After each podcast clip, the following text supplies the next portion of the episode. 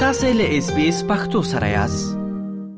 پر افغانستان د طالبانو بیا وکمنۍ دوه کلنه شوه خو په دغه دوو کلونو کې په دې هیواد کې د نورو ستونزو ترڅنګ د فقر او غربت کچه خپل وروستي حد ته د رسیدو سربېره اقتصادي وضعیت خورا اغیزمن شوی دی. د نړیوالو بشرپالو بنسټونو د راپورونو له مخې اوسمهال په افغانستان کې بېوزلي او بېکاري خپل اوج ته رسېدلې او له همدې کبله افغانان له سخت ناورین سره مخ شوي دي.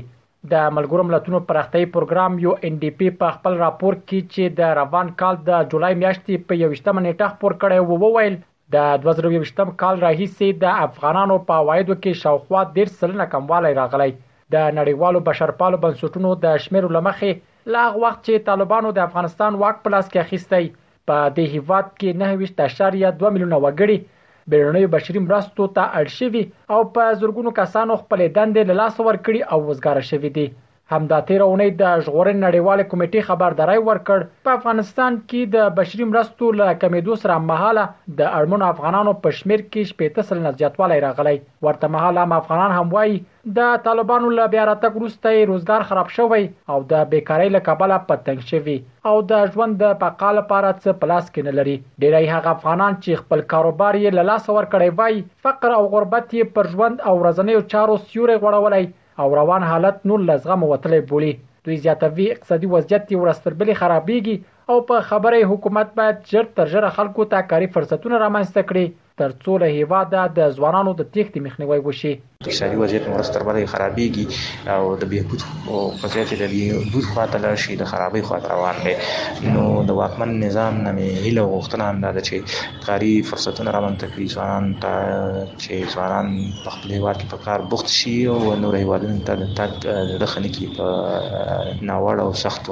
لارو چې د ژوند خطر پکې هر ورځ بیکاری د ورځ په ورځ په خرابېدو دی زه خپله که چوچداره نه وای ولای تلم وروره خارج ته تلم ایران ته تلم وروره پاکستان تاند ته تلم هملته مې یو ګوله ډوډۍ پیدا کوله کنه خو بس وروره دلته هم دونه کوو چې وروره به سهار راوځو تر بېګاه د لږ ډوډۍ پیسې باسو وروره بېرته ځو کور ته نو داسې خو ژوند نه کړي لکه موږ تاسې چې کوو خلک د ماښام ډوډۍ نه لري وه وروره خلکو ته دې کار ورکړي خلکو ته دې وروره بس کاروبار باندې دې مصروف کړي. پر افغانستان د طالبانو د بیا واکمنېدو دوه کاله پوره شول، اقتصادي مشکلات حل سوي نه دي د خلکو د اقتصادي مشکلات بیخي ډیر دي نو موږ خپل روزمره کار کوو یو ورځ وي یو ورځ نه وي نو که یو ورځ وي بیا بل ورځ بیکار یو نو په دې باندې زموږ اقتصاد مشکلات نه حل کیږي نو له اسلامي امارت نه غوښتنه دا ده چې تر څو موږ ته کاري زمینه برابره کړي او تر څو یو مړی حلاله روزي پیدا کړو په تیرو دوو لسیزو کې پر نړیوالو مرستو تکیه کول د افغانستان اراضي زیرمو کنګل او په بهرنیو مرستو کې د کموالي راتلل هغه څه دي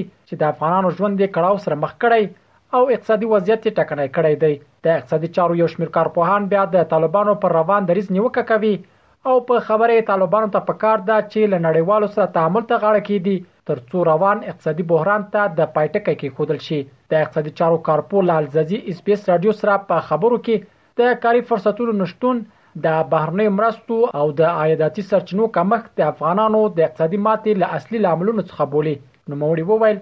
د طالبانو سرپرست حکومت ته په کار ده چې د دې ستونزې د حل په مخه کوټلي ګامونه واخلي. یو شمېر مهم ټکي چې د امارت اوسنۍ اداره باید په پام کې ونیسي ترڅو د موجوده بشري بحران کچه راټیمه کړي، تر ټولو مهم یې د افغانستان له رسمیت پېژندنه د نړیوالو له خوا ده چې د ټولو یا اکثرو ستونزو سرچینه یې بللی شو.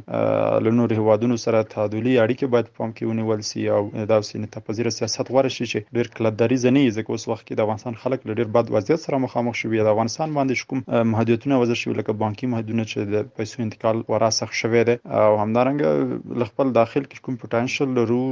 همیش باید موږ د بهرنیو په انتظار هم باید ونه وسو خپل داخلي پټانشل نه استفاده وکړو په ټولو کې داسې ویل شو چې حکومت ته ډیر څه کول پکار دي باید له تعادل حالت نه هم وځي ځکه اوس وخت کې وضعیت د خلکو ډیر خورا ځپل شوی دی د چکاري فرصتونه نشته بهرنۍ مرستې په افغانستان باندې بندې شوي د عوایدو سرچینې خورا کمې شوې دي نو دولت ته هم پکار دي چې کوټلي ګامونه واخلي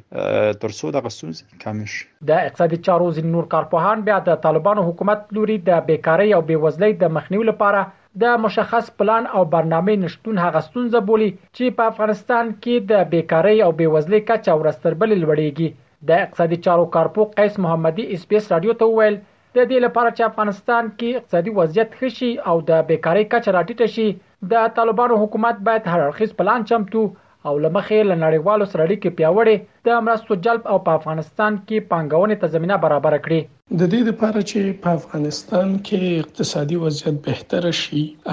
د بېکارۍ کچه راټیټه شي، خلک کار پیدا کړي او د بېوزلۍ کچه راټیټه شي، نو یو څو اړخیزه پلان ته ضرورت دی. د یوې خوا نه باید د نړیوالو سره روابط بهتر شي تر څو افغانستان ته د مرستو انتقالات زیات شي، په دې اواخرو کې مرستې ورځ تر بلې مخ په راکمېدو باندې دي، د بلې خوا نه باید د پانګه اچونې لپاره زمینه مساعده شي او د بلې خوا نه باید په افغانستان کې سیاسي او اجتماعي ثبات رامنځ ته شي تر څو خلک وکولای شي اعتماد وکړي او پانګه اچونې ته مخه راوړي. دغه ټول باید د یوه پلان برخه وي چې هغه ته د افغانستان ستراتیژیک پلان یا اقتصادي پلان ویل کیږي د دغه سه یو پلان نه موجودیت د داسې یو برنامه نه موجودیت نشي کولای چې د افغانستان د اقتصاد د لا خرابېدو مخه ونیسي خو د طالبانو سرپرست حکومت بیا په افغانستان کې د بیکارۍ او بیوزلۍ کچ لوړېدل ردوي په خبره یې د دوی له حاکمیت وروسته په هېواد کې په زرګونو کسانو ته کاري فرصتونه برابر شوي. د طالبانو ویاند ذبیح الله مجاهد له اس بي اس راډیو سره په خبرو کې په افغانستان کې د بې وزلۍ او بې کاري موضوع اوږدمهاله او د تېر نظام څخه ورپاتې موضوع وبلله. ښاغلی مجاهد وايي، د دې ستونزې د هواري لپاره د دوی حکومت هر اړخیزې هڅې پیل کړې چې پرمټ به یې خلکو ته په بېلابېلو برخو کې کاري فرصتونه رامنځته کړي. دغه موضوع بالکل غلطه ده چې څوک وایي چې ورځ تر بلې بېکاري زیاتېږي، بلکې برعکس ورځ تر بلې خلک په کار کېږي. دا اوس اسلامي امارت کامیاب شوی، تر اوسه پورې په دوو کالو کې موږ یو نیم لک کسان تنها په معادنو کې کار روزګار ورته پیدا کړي دغه سي تنه د خوشتبه په کانال کې 15000 خلک کار سي او دغه سي د تجارت لپاره په بیره بیل خوني جوړې سي تنه د مخ خزینه یو نیم سل زره خزینه خوندې په تجارت کې په یو نوع داخلي سوي دی کار کوي کم تعداد بیکاره بم وی او یا ډیرو خو د بیکاری او مال ستونزه په افغانستان کې خراب او جنگ او منابع وچې وي اوس اسلامي امارت هڅه کوي چې منابع ژوندۍ سي فابریکې جوړ سي او دا راز خلک په تجارت بوخت سہولتونه ایجاد د معدنو برخه کار ایجاد سي د لوی پروژو د پیل په برخه کار ایجاد سي دته موږ ډېر پرمختګ هم کړی دی او ورځ تر بلې ان شاء الله د بیکارۍ کچه او په ټیټېدو ده